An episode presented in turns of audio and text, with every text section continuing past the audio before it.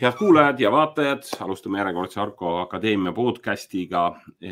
ja täna vaatame, mis on toimunud Pärnu linna ja Pärnumaa kinnisvaraturul ja minuga on täna liitunud meie Argo Vara Pärnu büroomaakler Terje Võrk. tere, Terje. tere, tere, Elari, tere kogu Eestimaa rahvas.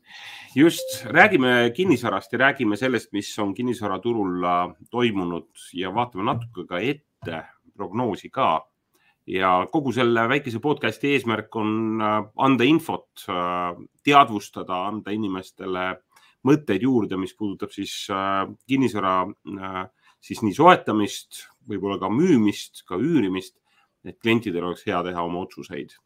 aga kõige võib-olla mõistlikum ongi alustada näiteks Pärnumaa ja Pärnu korteriturust, et koroonapandeemia mõjus Pärnu kui sellise suvepealinnale äh, majandusaktiivsusest äh,. ma pean ikka selle uuesti tegema. ikka peab lõikama, mis kuidas see välja pärast. ühesõnaga suvepealinn sai koroonapandeemias samuti räsida ja kuidas sa ise näed seal kohapealse maaklerina, milline see mõju just selle turuaktiivsusele oli?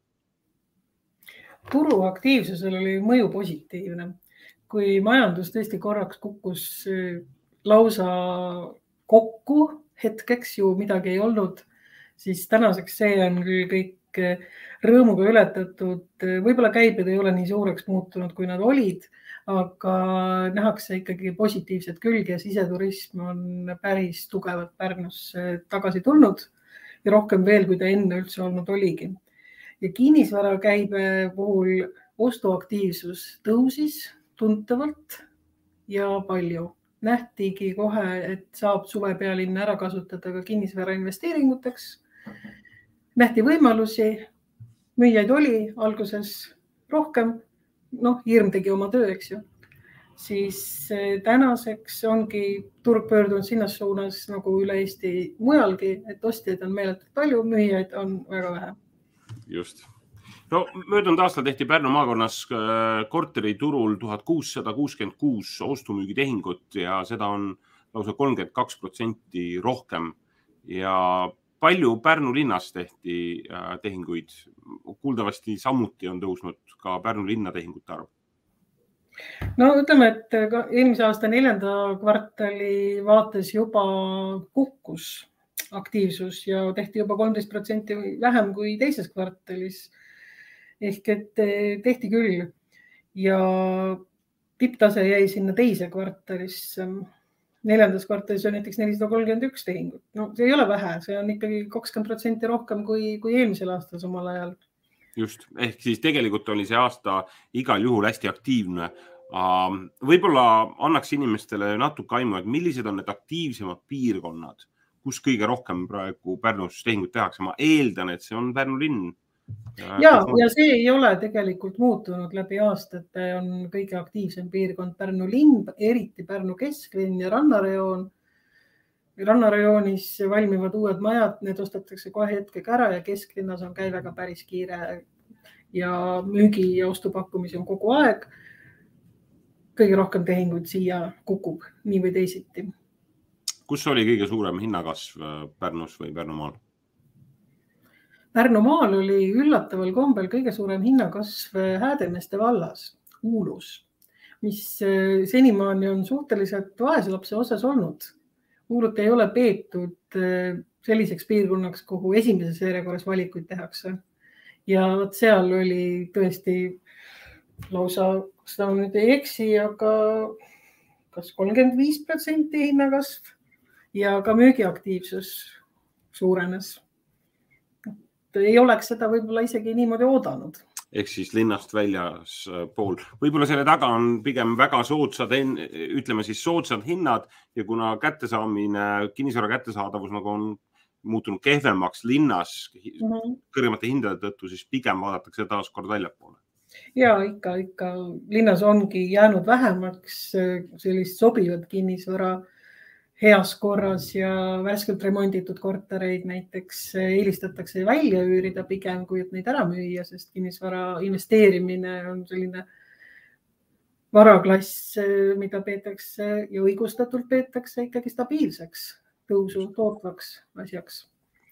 kui räägime veel Pärnu linna uusarendustest, siis kui võrrelda uute korterite müüki kaks tuhat kakskümmend, kaks tuhat kakskümmend üks, siis uh -huh. Analüütika ütleb, et turuaktiivsus vähenes kuuskümmend protsenti, aga -huh. hinnatase tõusis kuuskümmend kolm protsenti Mm -hmm. et kui vaadata nüüd keskmist ruutmeetri hinda Pärnus, siis see on päris kõrgeks kasvanud. on ja praegu on ostujõud jõudnud järele ka niimoodi, et kaks tuhat kakskümmend eurot ruutmeetrist ei ole juba palju. Kui veel aasta aega tagasi selle peale nina kirtsutati, et seda on liiga palju. inflatsioon muidugi teeb oma töö, laenu saab suhteliselt kergesti, kui oled usaldusväärne ja muidugi on vahe nüüd uute ja vanade korterite puhul, et uued on nüüd alates aastast kaks tuhat viis ehitatud hooned ja, ja vanad sealt allapoole. et uute puhul me näeme ruutmeetri hinda kaks tuhat ükssada, kaks tuhat ükssada kuuskümmend eurot ruutmeetrist. Ja vanade tüüppkorterite puhul, mida Pärnus ka vähe ei ole, jääb see hind oluliselt allapoole, isegi tuhat nelisada kakskümmend neli eurot ruutmeetrist, ütleb meie statistika praegu. seal on suured käärid, aga ennustatakse praegu, et uute hoonete ehitushinnad ikkagi tõusevad veel. see teeb ka korteri ruutmeetri hinna kallimaks. vanade puhul seetõttu jäävad nad kas samale tasemele või isegi langevad. kui ei tehta olulisi uuendusi maja kallal, ei soojustata, ei parandata, ei remondita vaatasin lihtsalt uudistevoogu ja oli päris palju erinevaid detailplaneeringu algatusi ka Pärnus mm -hmm. uute kortermajade rajamiseks ja, ja sadamapiirkonnas näitas lausa sadades, äh, sadades äh, mahult uusi kortereid mm. -hmm. milline see linnapilt praegu on, et kui vaadata Tallinnas ringi, siis sa ikka näed neid, neid erinevaid kraanasid, kraanasid, just. milline see linnapilt Pärnus kraanade vaatest on? kesklinnas mõni kraana on veel jäänud, aga siin hakkavad praegu vist hooned valmis saama. Need suuremad ja ilusamad jõepoolsemad majad. aga on, on võib-olla mitte päris linna südames jah, et kui me vaatame bussijaama ümbrust ja mida inimesed on harjunud kesklinnaks pidama, Rüütlinna, SEB panga maja, Uue kunstimuuseum, et siin otseselt kraanasid enam väga palju ei ole. aga jõe kaldal ja ehitatakse mitut uut maja ranna pool, mere pool siis kinnitus, on kraanasid mitu ja tegelikult üle jõel kerkivad nüüd Niidu tänava piirkonda. noh, on ja tuleb maju, vahepeal oli väike seisak, aga nüüd tuleb nüüd juurde. ja noh, nende hinnaklass muidugi jääb ka sinna kahe tuhande eurost ülespoole ruutmeetri kohta samas enamik nendest korteritest paistab juba müüdud olevat. ehk siis täna see kõrge korteri hind äh, uusarendustes ei ole peletanud korteriostjaid, laenuraha on täna kättesaadav ja kui äh, ostukindlus või selline enesekindlus on, äh, turvatunne on tagatud, siis inimesed hea mhm. meelega tegelikult seda uue kodu soetamist ka ette võtavad ja, ja päris kindlasti tahetakse kolida väiksematest korteritest suurematesse avarus on see tänase päeva märksõna. ja kui vanasti elasid mitu põlvkonda ühes väikses korteris, täna see ju nii enam ei ole. just. Nüüd igalühel on oma, huvitav muidugi võib-olla vahepõige, et äh, ei ole tehtud statistikat just selles osas või on mulle mitte teadaolevalt, et kui, mis see ruutmeetri arv on teinud äh, viimase kümne-viieteist aastaga, et kas on pigem kasvanud, inimesed tahavad rohkem ruumi või tegelikult on väiksemad, et võiks arvata, et ehitus opti,, ehituse optimeerimine võib-olla tähendaks natuke väiksemaid ruutmeetreid ja rohkem tükke, aga on sul mingit tunnetust selles osas, kas kodud on läinud praegu väiksemaks või suuremaks? kodud on läinud suuremaks, alla kuuekümne ruutmeetri kodu on äh, suhteliselt äh, raske müüa alla kuuekümne ruutmeetrised äh, korterid on pigem kas üürikorterid pikaks või siis lühiajaliseks üüriks aga eelistatakse suuremaid ruutmeetreid päris kindlasti. ja kui nüüd kuuskümmend jagame näiteks kolmega, igaühele kakskümmend ruutmeetrit, noh, seal sees muidugi on pesuruumid ja, ja köök, eks ju. aga jah, nii nagu on tõusnud keskmine temperatuur korterites, nii on tõusnud ka keskmine inimese kohta käiv ruutmeetrite arv. just räägime natuke ka üüriturust. üüriturg on kõikides nii Tallinnas, Tartus kui ka mujal, ütleme siis ka ja ka Pärnus. väiksemates linnades on see suhteliselt ühesugune trend, et nende puudus, nende puudumine on viinud ka üürihinnad tegelikult suhteliselt kõrgeks, aga see nõudlus on tegelikult paiguti kõrge, aga see ei ole nagu mastaapne, et ta ei ole väga suur et kui me räägime kümnest, viieteistkümnest inimesest, kes tahaks üürida, siis võib-olla nendel on tõesti hetkel keerulisem, aga väga suurt üüriturgu või äh, ei tundu olevat. Äh, üüripakkumiste hinnad on läinud ülesse äh, Tallinnas ja Tartus. milline seis on hetkel Pärnus? On ka Pärnus üles läinud. on tunda, et on üles läinud korterid, mida välja üüritakse, on läinud paremaks, nende kvaliteet on kõrgem ja tulu soovitakse tagasi teenida kiiremini kui võib-olla varem. Pärnu erineb teistest piirkondadest oma sesoonsuse poolest. kindlasti on siin väga tugev lühiajalise üüriturg. ja pikaajalise puhul muutusi väga palju ei ole, vahepeal tundus, et üürihinnad on allpool korraks, oli hirm, et inimesi ei tule, ei taha töötada Pärnus üürikorterit võtta aga see hirm vist on nüüd üle läinud ja päris julgelt äh, tehakse ka pikaajalisi üüripakkumisi. ja ei ole kümme-viisteist inimest, kes otsivad korterit üürile, vaid neid on oluliselt rohkem. No lühiajalise üüriga tegelikult püütaksegi, eks ole, selline madal periood äh, üle elada septembrist kuni maikuuni ja siis, äh, siis läheb üürile, eks ole, kolme kuu kaupa. see on mhm. vist Äh, selliste suvepealinna ja Haapsalu ja väiksemate linnade ja Viljandi nagu omapära või eripära? see muutunud muidugi ei ole jah, suures plaanis ta niimoodi endiselt, endiselt on. Ja kes need, kes need üürilised on, üliõpilased, kes selliselt ütleme siis septembrist maini tegelikult sellist üürikodu vajavad? no ütleme, et vajavad kõige rohkem kindlasti õpilased jah aga otsivad siiski ka töötajad, kes siin käivad eh, maakonnast tööl Pärnusse. maakonnas tööstusettevõtteid on oluliselt vähem ja neil on vaja peatuspaika, eks nad suvel ongi hädas. ja kas on ettevõttel puhkus või ei ole, tööl pead eh, käima, leidma. täpselt nii um,. kuidas on koroona mõjutanud nüüd siis neid väikeinvestoreid, kes võiksid ütleme, osta üks-kaks korterit Pärnusse omale väljaüürimiseks, et mm -hmm. kas nende osakaal on, on turul märgata?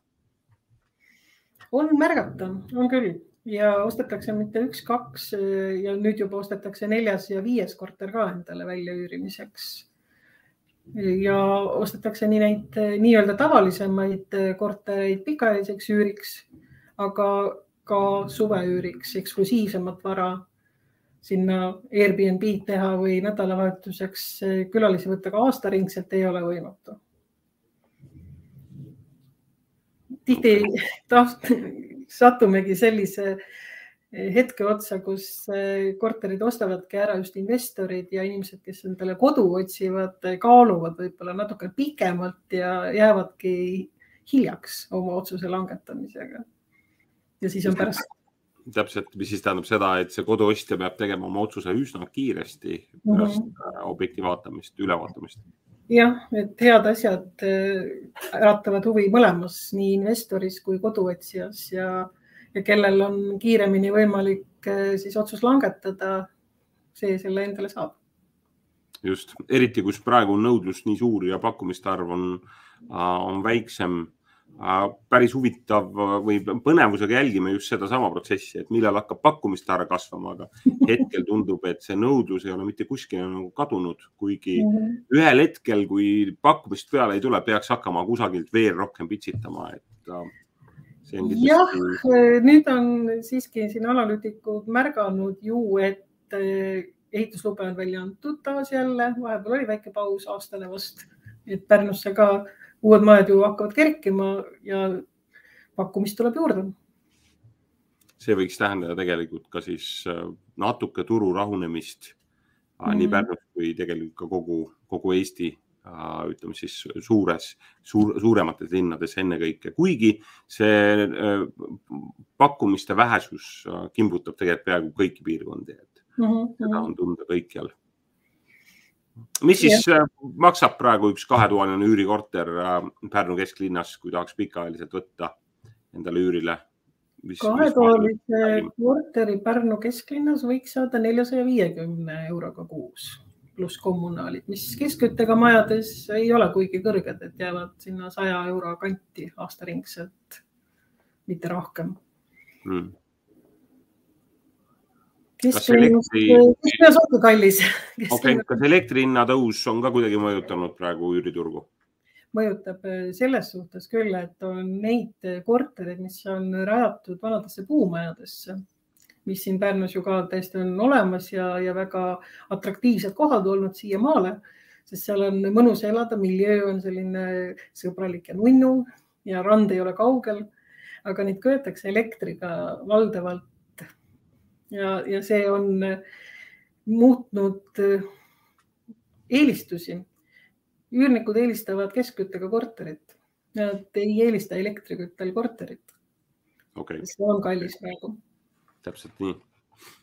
ja eks me seda, seda üüriturgu ja üleüldse seda äh,, kuidas elektrienergia hinnatõus hakkab mõjutama üüriturgu või sesoonsust talveperioodil kõrgem, muul ajal väiksem, et seda me hakkame alles ju nägema, kui see üüri, kui see hind peaks kõrgem olema, see elektrienergia.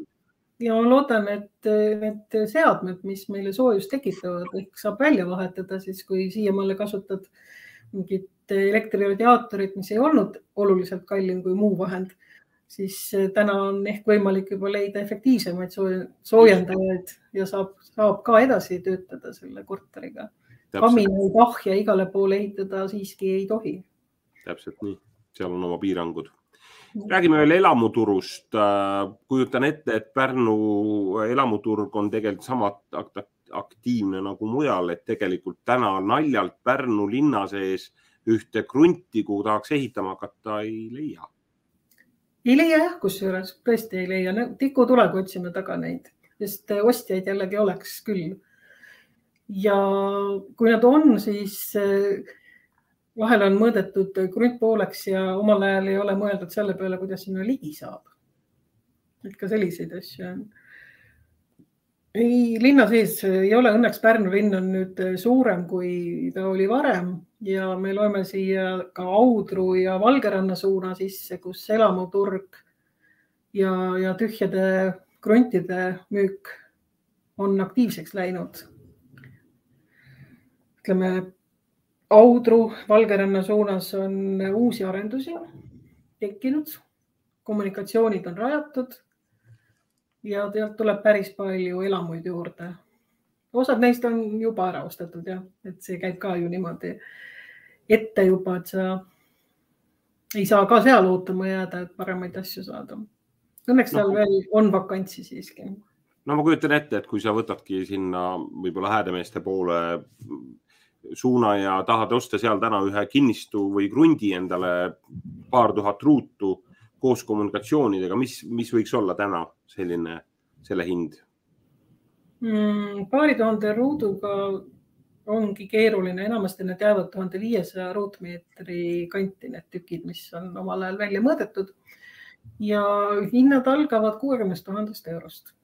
koos kommunikatsioonidega loomulikult ja, ja, ja ikka, aga on ka kallimaid loomulikult, mida rohkem metsa pool, mida rohkem privaatsust, võib-olla mõni kaunis looduskaunis jõgi, jõekallas, eks ju, siis need on oluliselt kallimad kohad. ja samas on ostetud ja lähevad töösse ka kinnistud, millel ei ole kommunikatsioon, et ka neid tegelikult tahetakse juba praegu arendama hakata ja ära müüma hakata just, sest vajadus ja nõudlus selle järgi on. jah, just.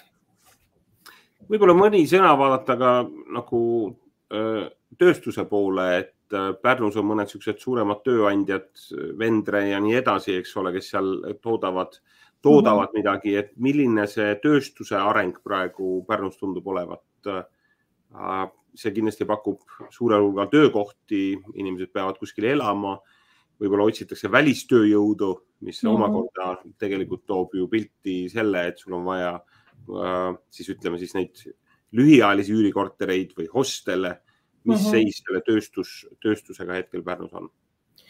kuulnud ei ole ühegi väga suure tööstuse juurde tulemisest, küll aga needsamad, kes juba praegu tegutsevad siin tehnoloogia, laserlõikus, puidutööstus kogu aeg vajavad töölisi juurde ja võtavad neid juurde. meil on arendamisel Loode-Pärnu piirkond, kus antakse linna poolt kasutusele pikaajalise hoonestusõigusega maatükke just tööstuse rajamisega, rajamiseks ja seal on tingimus ka, et töökohti peab looma. seal on löödud koppi maasse päris mitmel krundil töötajaid on ilmselt tulemas, samamoodi maksab näiteks Pärnu noortele spetsialistidele toetust, et nad ainult Pärnusse tuleksid. linna südamesse keegi enam tööstust rajama ei hakka. Jõe piir, jõe kaldal, mis siin on olnud vanast ajast, aiatehas, õllevabrik, kõik need on muutumas korterelamute piirkondadeks. Linna südames tööstus ikka on julgelt välja kolinud just Loode-Pärnusse, just sinna Sauga poole. ja need inimesed tulevadki kuskilt mujalt Pärnusse, kas nad tulevad maakonnast, tulevad ainult näiteks nädala sees tööle, vajavadki võib-olla seda üürikorterit või siis täna juba ostavad endale väikse pinna just selle jaoks, et üürikortereid saada aastaringselt on keerulisem mm. -hmm võib-olla mõned soovitused, Terje, veel ostjatele ja müüjatele, mis, ähm, mida peaks silmas praegu pidama, eriti kui sa oled täna kas ostmas või mõne soovituse nagu sai antud, et olge oma otsustamistes äh, suhteliselt kiired, kuigi kinnisvara ostmine on kindlasti suur äh, vastutus. Aga milline võiks olla sinu soovitus täna nii ostjatele kui müüjatele? jah, ma ka ilmselt ei julgeks äh, niimoodi öelda, et olge nüüd jube kiired, sest äh, see kahju, mis kiirus võib sulle tekitada, on pärast tagantjärele palju suurem, kui selle väärtus hetkel tundub. siiski peab olema kaalutletud ja läbimõeldud otsus.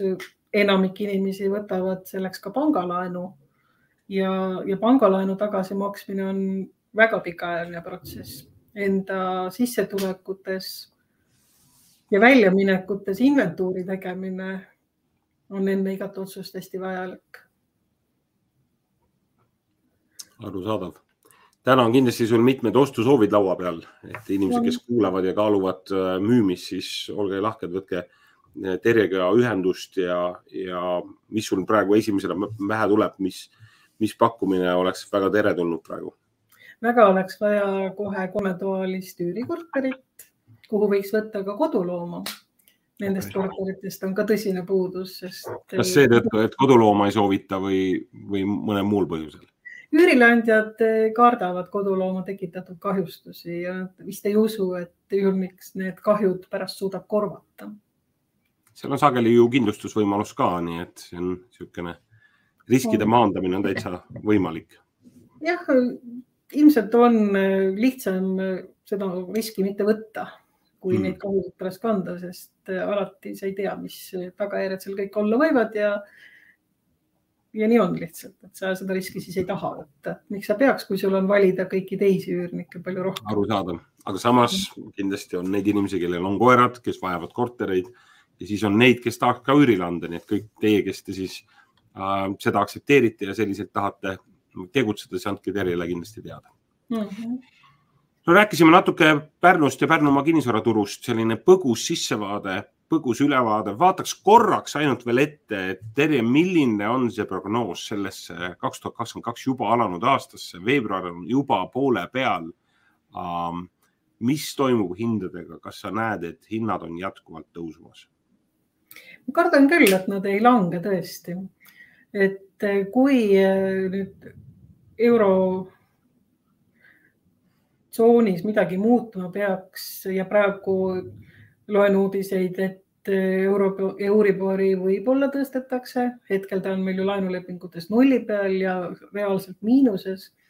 et kui sealtpoolt tuleb väike korrektsioon, siis võib laenu saamine ja selle teenindamine olla keerulisem. samas korterite hinnad hetkel on nii, niisuguses seisus, et ega nad sama kiiresti langema ei hakka. Merts kinnisvaraturul on päris tugev.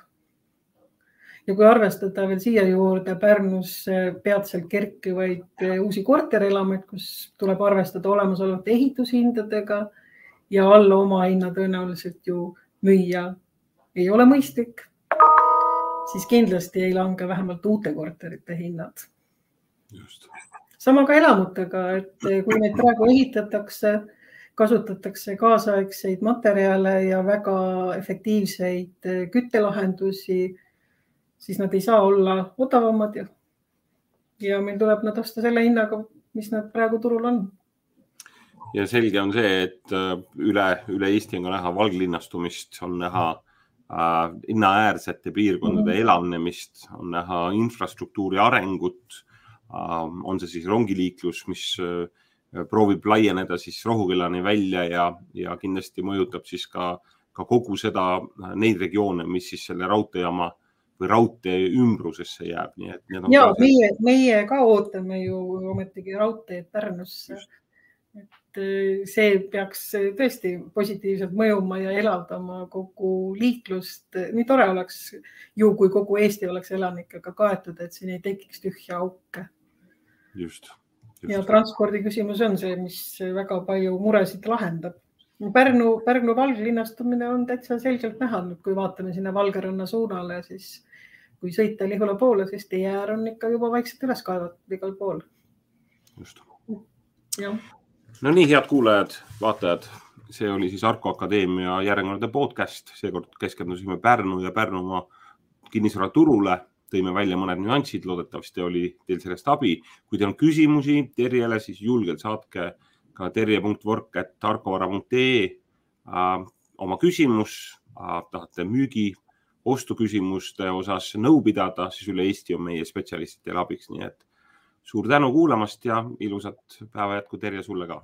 aitäh, kõike kaunist.